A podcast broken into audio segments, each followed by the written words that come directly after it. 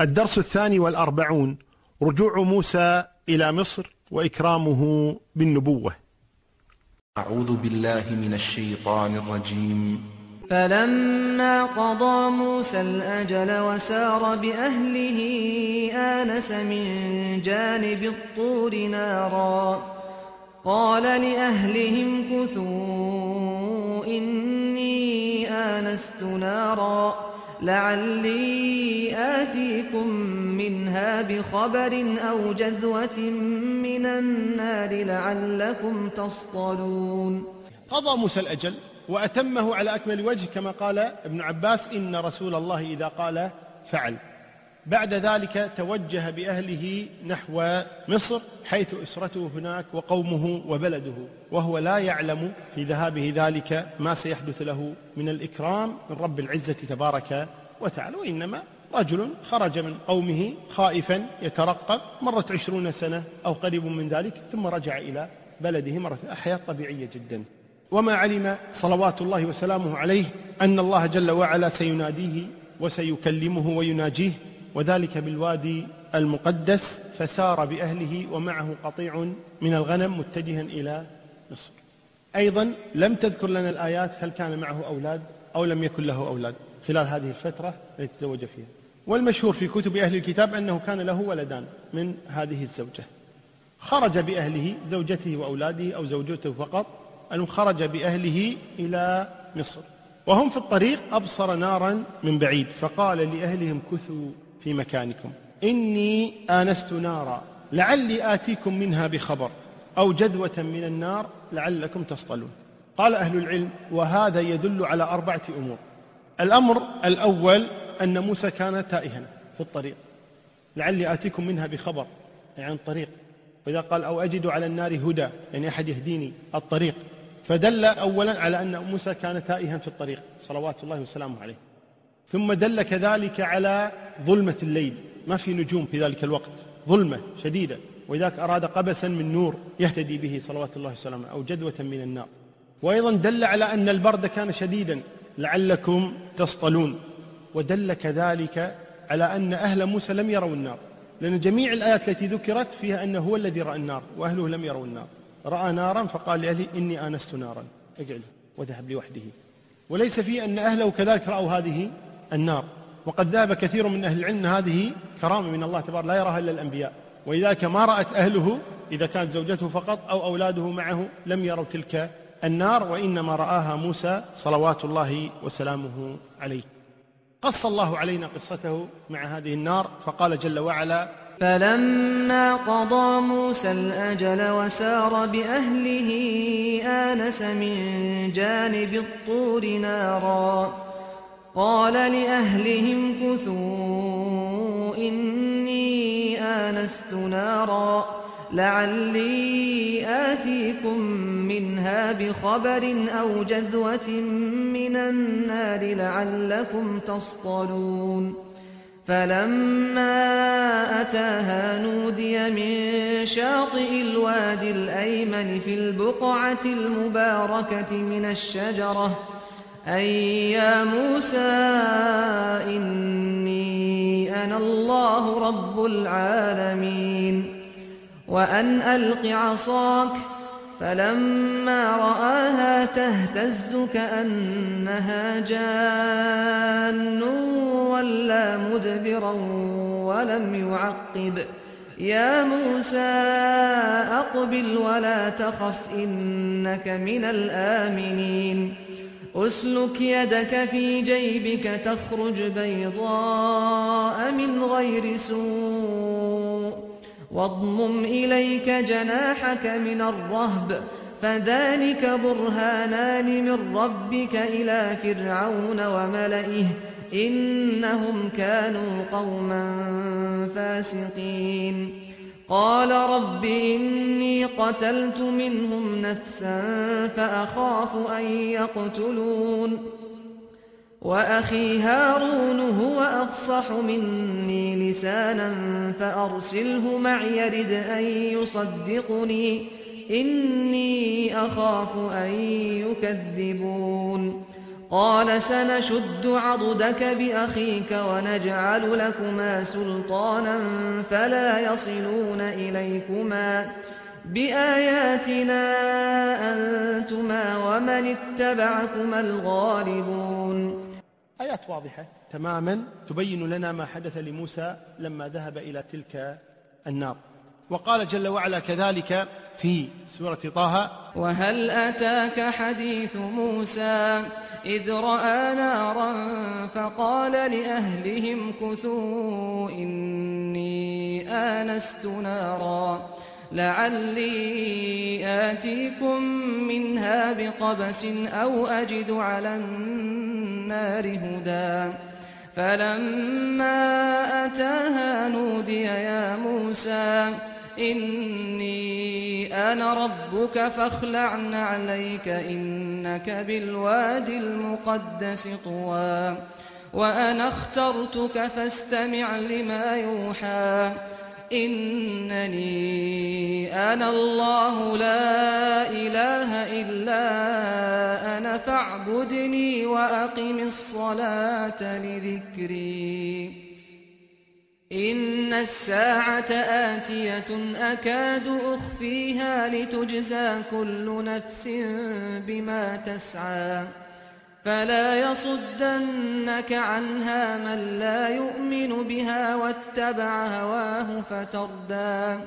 وما تلك بيمينك يا موسى. قال هي عصاي أتوكأ عليها وأهش بها على غنمي ولي فيها مآرب أخرى. قال ألقها يا موسى.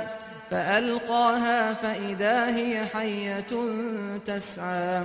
قال خذها ولا تخف سنعيدها سيرتها الأولى.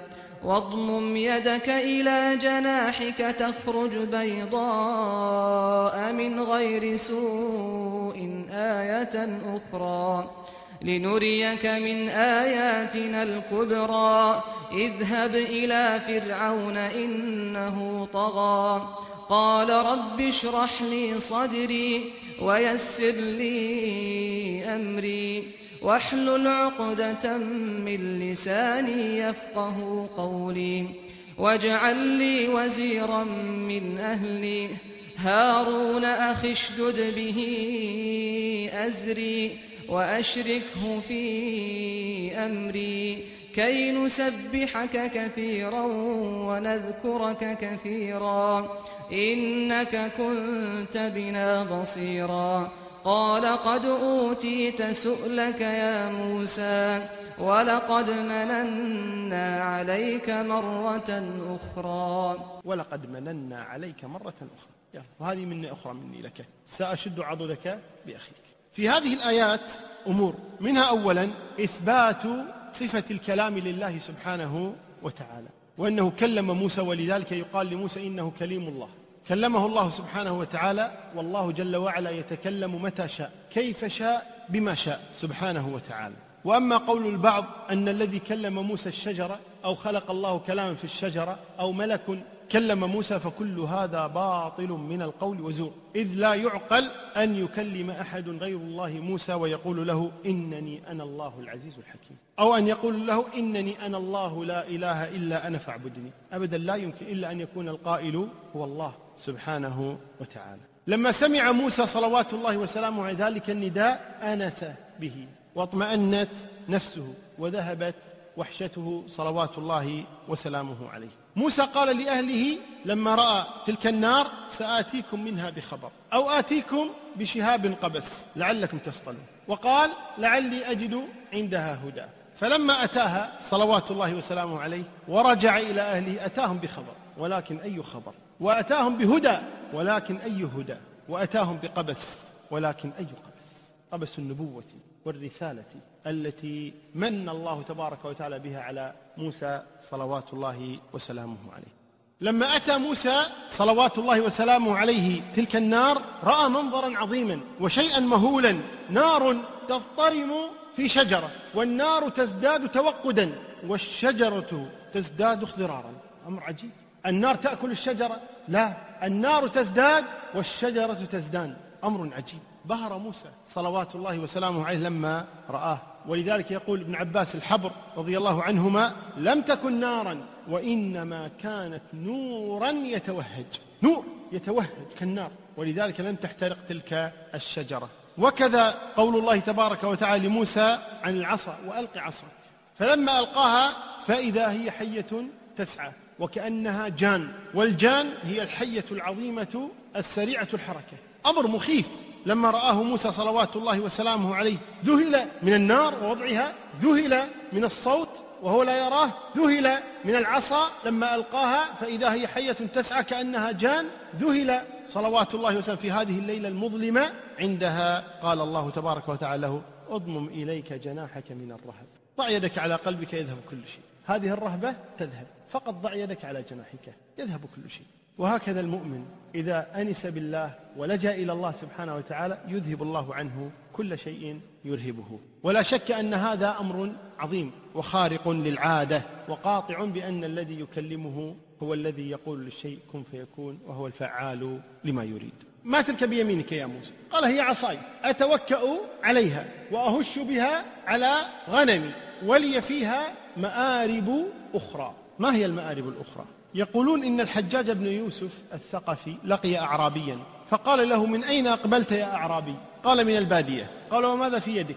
قال عصاي أركزها لصلاتي وأعدها لعداتي وأسوق بها دابتي وأقوى بها في سفري وأعتمد بها في مشي لتتسع خطوتي وأثب على النهر وتؤمنني من العثر وألقي عليها كسائي فيقيني الحر ويدفئني من القر وتدني إلي ما بعد عني وأقرع بها الأبواب وأتقي بها عقر الكلاب. تنوب عني الرمح في الطعن وعن السيف عند منازلة الأقران. ورثتها عن أبي وسأورثها ابني وأهش بها على غنمي ولي فيها مآرب أخرى. كل هذه إيش فوائد؟ العصا. فعليكم بالعصا. ويقول العصا لمن عصى جاء في التوراة الموجودة حاليا مثل هذه الأخبار قريبا منها لأن التوراة كما قلنا وإن كانت محرفة إلا إنها فيها لا شك شيء من الحق. وكيف نعرف هذا الذي هو من الحق؟ إذا وافق ما في كتاب الله تبارك وتعالى. جاء في التوراة وأما موسى فكان يرعى غنم يثرون. يثرون اللي هو الرجل الصالح أبو البنتين. حميه كاهن مديان يعني عابد مديان مدينة مدين. فساق الغنم إلى وراء البرية وجاء إلى جبل الله وظهر له ملاك الرب بلهيب نار في وسط عليقة يعني شجرة عليقة وقيل شجرة عوسج وقيل غيرها من الأشجار. فنظر فإذا العليقة تتوقد بالنار والعليقة لم تكن تحترق. فقال موسى أميل الآن لأنظر هذا المنظر العظيم لماذا لا تحترق العليقة؟ فلما رأى الرب أنه مال لينظر ناداه الله من وسط العليقة وقال موسى موسى. فقال ها أنا ذا. فقال لا تقرب إلى ها هنا اخلع حذاءك من رجلك لأن الموضع الذي أنت فيه واقف عليه أرض مقدسة. وقال له الرب ما هذه في يدك؟ قال عصا. قال اطرحها على الأرض. فصارت حية فهرب موسى منها. ثم قال الرب مد يدك وأمسك بذنبها. فمد يده وأمسك بها فصارت عصا في يده. ثم قال له الرب أدخل يدك في عبك أي في جيبك. فأدخل يده في عبه ثم أخرجها وإذا يده برصاء مثل الثلج. طبعا هذه الأخبار أكثرها يوافق ما في كتاب الله تبارك وتعالى إلا أن قوله برصاء هي لم تكن برصاء وإنما كانت بيضاء تتلألأ مثل القمر. وذلك أن موسى صلوات الله وسلامه كان آدم يعني اسمر اللون صلوات الله وسلامه عليه. والله سبحانه قال اضمم يدك إلى جناحك تخرج بيضاء من غير سوء. بيضاء لكن ليس برصا ولا بهقا وإنما نور. وإذا قال أهل العلم كانت مثل القمر تتلألأ. وصف الله جل وعلا مجيء موسى إلى الوادي المقدس طوى وذكر ما ناجى به موسى صلوات الله وسلامه في كثير من المواضع في كتابه العزيز. لما؟ ليثبت بذلك فؤاد النبي محمد صلى الله عليه وسلم ليكون آية بينة. وهي أن محمدا رسول الله حقا وذلك أنه لم يكن صلوات الله وسلامه ولا أحد من قومه مع موسى. ولا كان يعرف عن موسى شيء خاصة تلك الأخبار الدقيقة التي قلنا إنها موجودة في التوراة. كيف أهل التوراة يسمعون كلام النبي عن موسى وهم يقرؤون ذلك في التوراة؟ وهذا نبي أمي في أمة أمية. كيف عرف هذا؟ إنه الوحي من الله تبارك وتعالى. ولذلك يقول الله لمحمد صلى الله عليه وسلم وما كنت بجانب الغربي إذ قضينا إلى موسى الأمر وما كنت من الشاهدين ولكنا أنشأنا قرونا فتطاول عليهم العمر وما كنت ثاويا في أهل مدين تتلو عليهم آياتنا. ولكنا كنا مرسلين وما كنت بجانب الطور إذ نادينا ولكن رحمة من ربك لتنذر قوما ما أتاهم من نذير من قبلك لعلهم يتذكرون. وما كنت بجانب الغرب إذ قضينا إلى موسى الأمر وما كنت من الشاهدين. ولكنا أنشأنا قرونا فتطاول عليهم العمر وما كنت ثاويا في أهل مدين تتلو عليهم آياتنا ولكنا كنا مرسلين وما كنت بجانب الطور إذ نادينا ولكن رحمة من ربك رحمة من ربك لتنذر قوما ما أتاهم من نذير من قبلك من نذير من قبلك لعلهم يتذكرون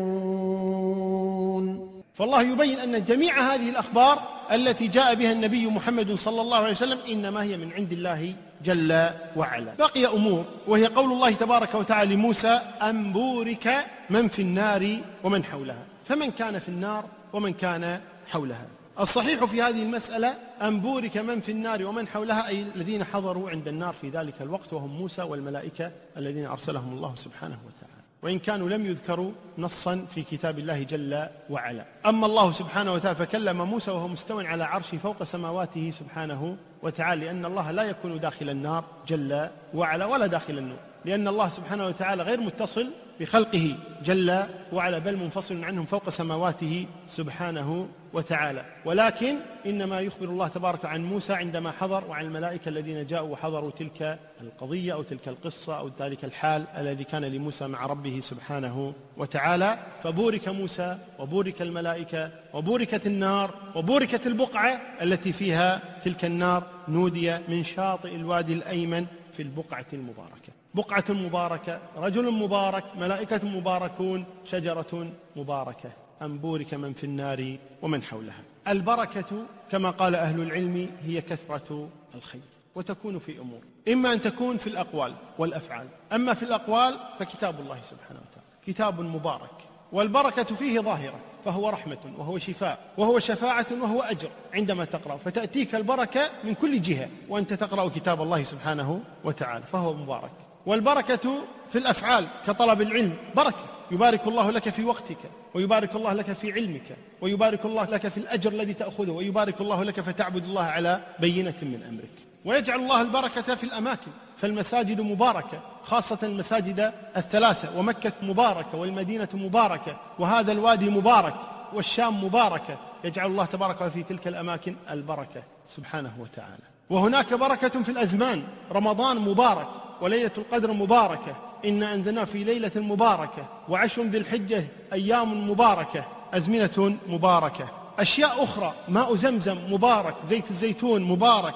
لعق الأصابع بعد الأكل بركة. الخيل جعل الله فيها البركة. باركها الله سبحانه. أشخاص مباركون. محمد مبارك صلوات الله وسلامه عليه. موسى مبارك. باركه الله. أن بورك من في النار ومن حولها. يحيى وجعلني مباركا. وعيسى جعلني مباركا.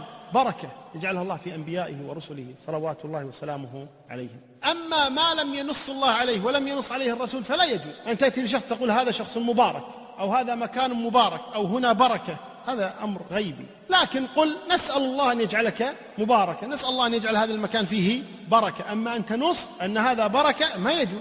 ولذلك لما جاء كفار مكة الذين أسلموا حديثا مع النبي صلى الله عليه وسلم وخرجوا معه من مكة إلى حنين أسلموا قبل أيام وخرجوا معه. قالوا اجعل لنا ذات أنواط كما لهم ذات أنواط. لماذا تريدون ذات أنواط؟ قال نتبرك بها نضع عليها الأسلحة فننتصر.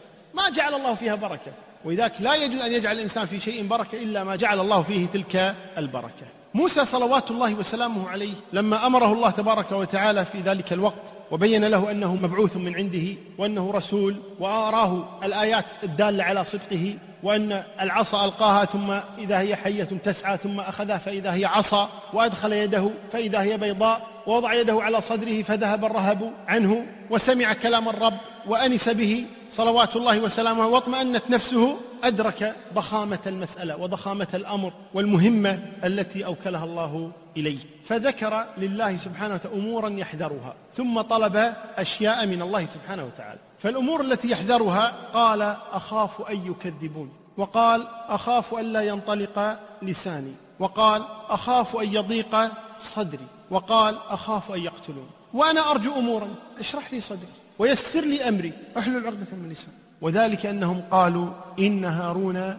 كان أفصح من موسى. وذلك أن موسى لم يعش مع بني إسرائيل ومع القبط كما عاش هارون. وذلك أنه عاش سنوات في أهل مدين. قلنا قريبا من عشرين سنة في أهل مدين. فهارون كان في بني إسرائيل ومع القبط فكان أفصح من موسى صلوات الله وسلامه عليه. وقيل غير ذلك كما جاء عن مجاهد وغيره أن موسى صلوات الله وسلامه كان قد اختبره فرعون لما كان صغيرا وهو أنه أخذ بلحية فرعون فجرها إليه فغضب فرعون فقالت زوجه أي زوجة فرعون آسيا قالت إنه صغير وذلك أن فرعون أراد أن يفتك به وأن يقتله. وخاف منه فقالت إنه صغير. قال إنه قد جر لحيتي. قالت فاختبره ضع له جمرة وتمرة. فإن أخذ التمرة فدونك به اقتله إن شئت. وإن أخذ الجمرة فإنه لا يفقه ولا يعي ولا يدري ما يصنع. صغير فقال نعم أفعل. فوضعت لموسى جمرة وتمرة